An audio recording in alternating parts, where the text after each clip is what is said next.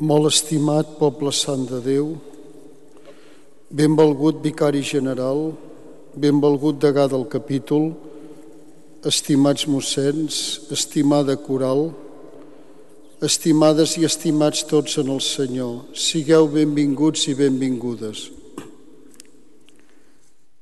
Avui en començar aquest comentari no puc deixar de parlar amb dolor de la situació bèl·lica que viu Ucraïna. Tots els catòlics, tots els cristians ens hem d'unir a la crida que fa el papa Francesc perquè s'aturin les hostilitats i totes les parts implicades s'abstinguin de dur a terme qualsevol més acció que pugui causar encara més patiment a les poblacions. Desestabilitzant la convivència entre les nacions i desprestigiant el dret internacional.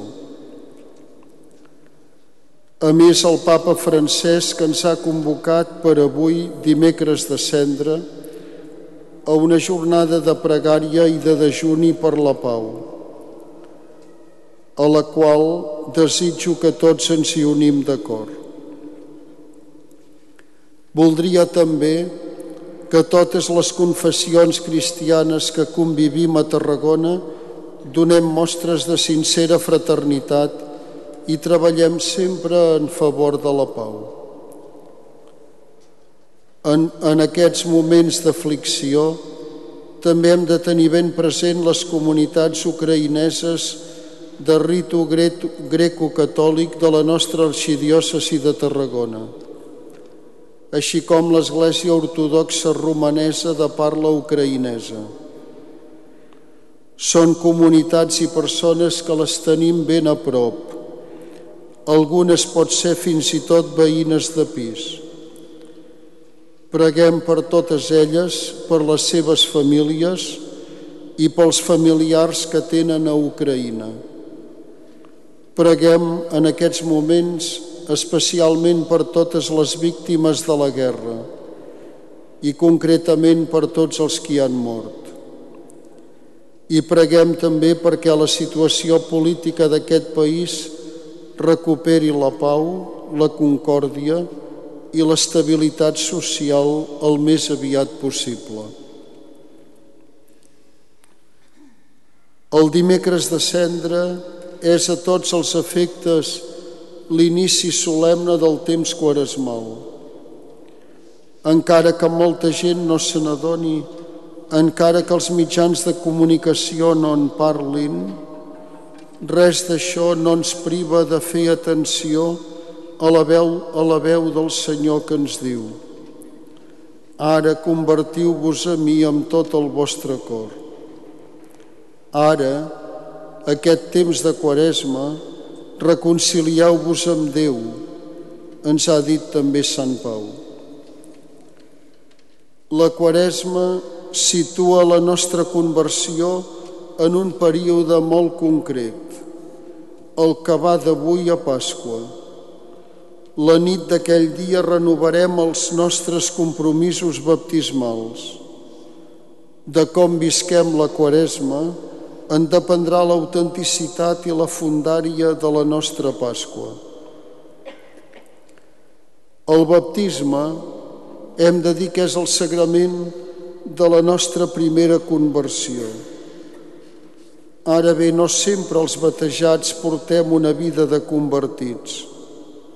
Sovint vivim una fe tèbia, poc conseqüent, sense tensió espiritual.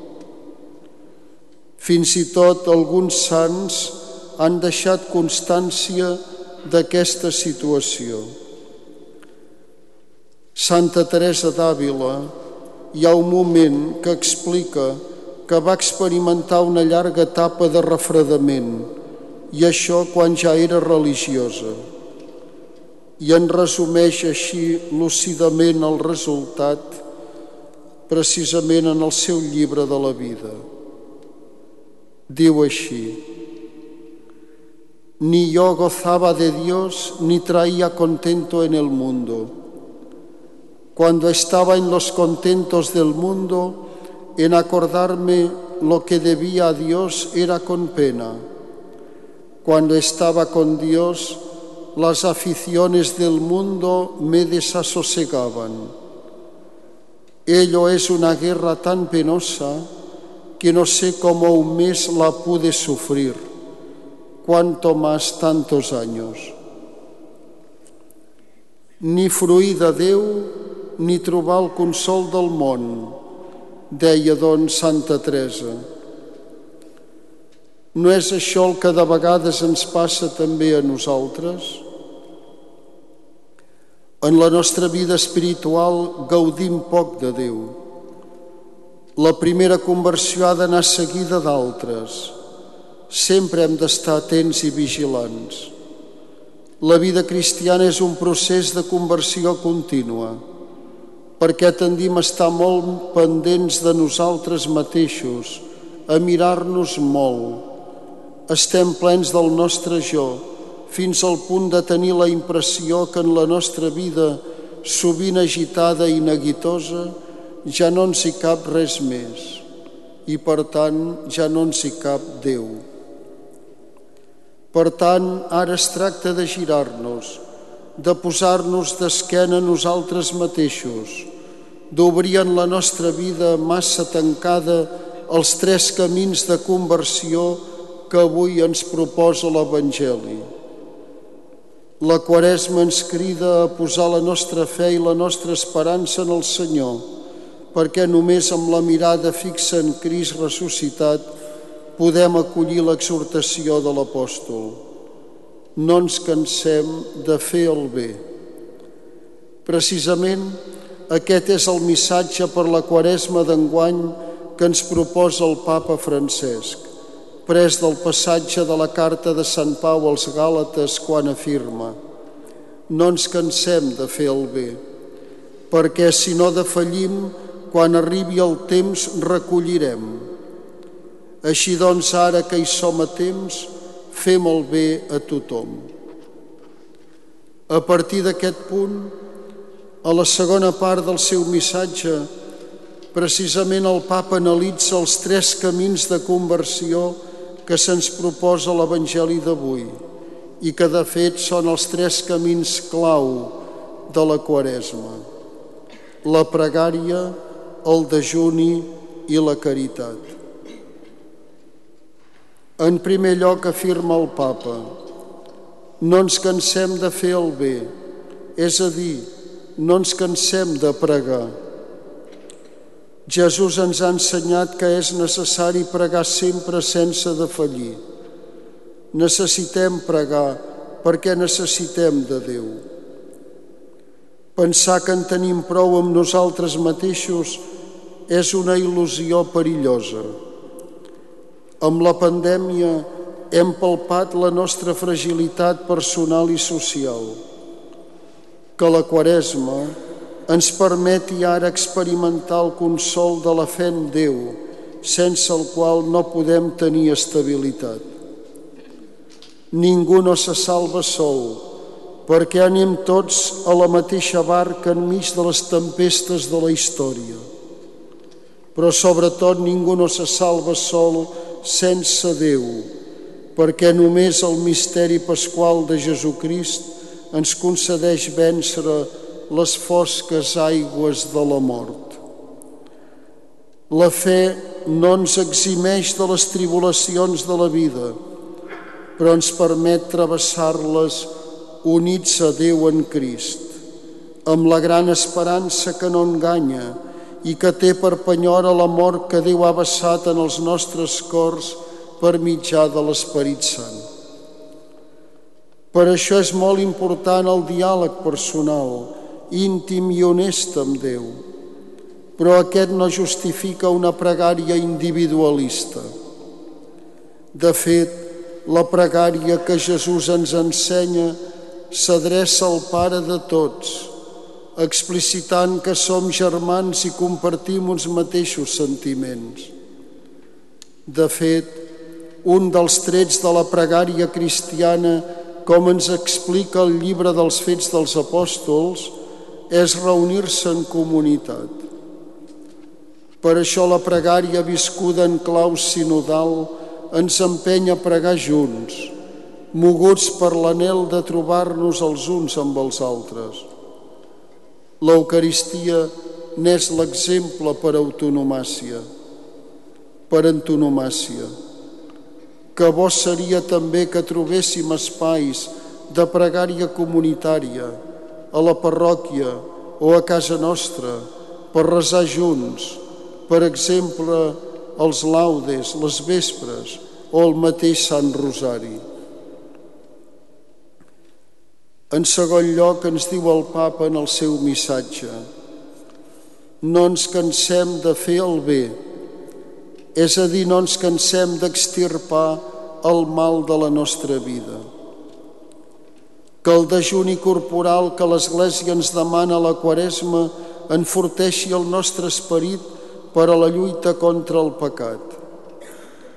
A més, com ens ha demanat el papa, que sobretot aquesta mateixa jornada d'avui, d'aquest dimecres de cendre, sigui una jornada de dejuni i de pregària per la pau en el món i especialment a Ucraïna. Que la reina de la pau preservi el món de la bogeria de la guerra.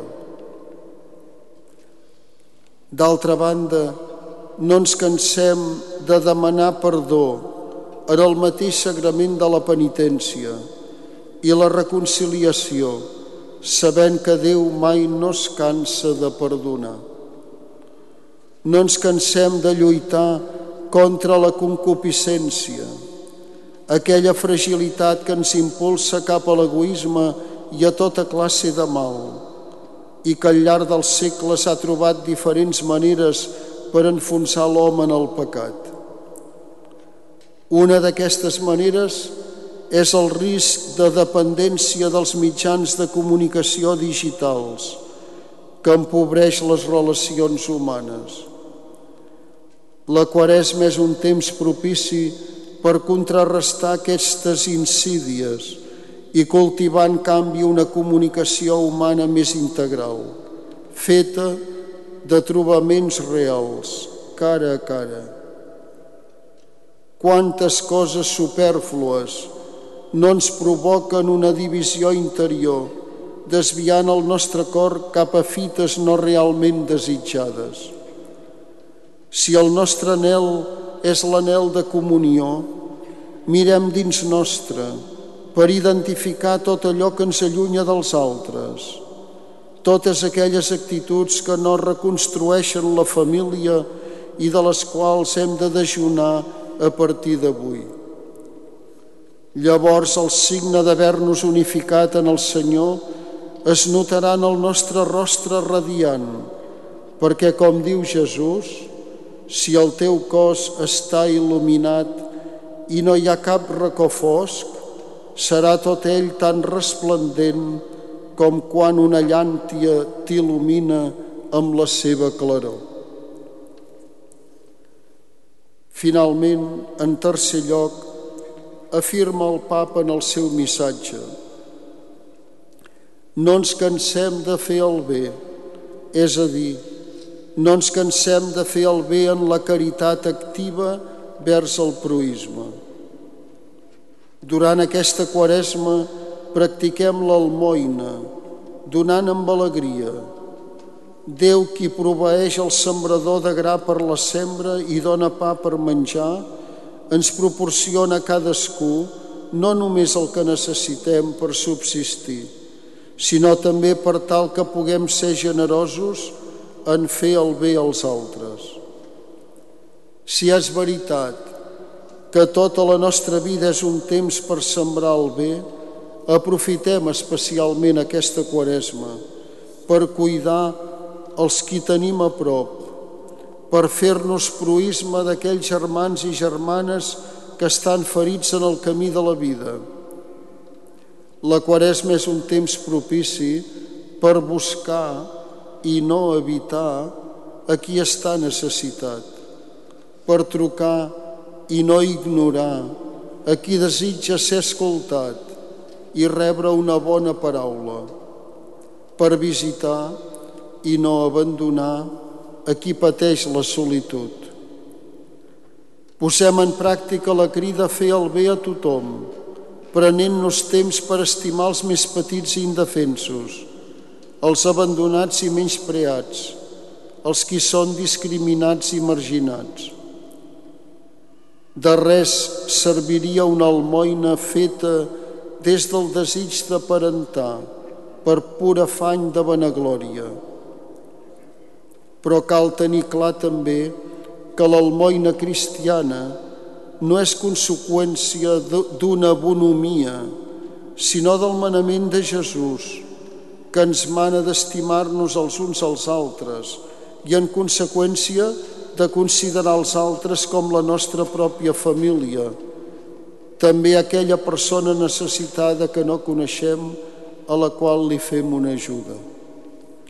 Tots formem part els uns dels altres, perquè tots formem l'única humanitat estimada per Déu.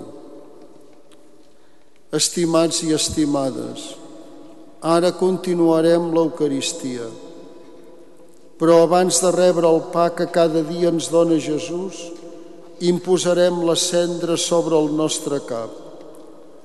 La cendra, símbol de la nostra fragilitat i molt vinculada al pensament sobre la realitat de la mort. Però també la cendra, en llenguatge bíblic, és símbol de dol i de penediment. Se'ns convida, per tant, a començar un camí de conversió i a caminar des d'avui cap a la Pasqua, cap a l'autèntica santedat. Amb aquests sentiments continuem ara la nostra celebració.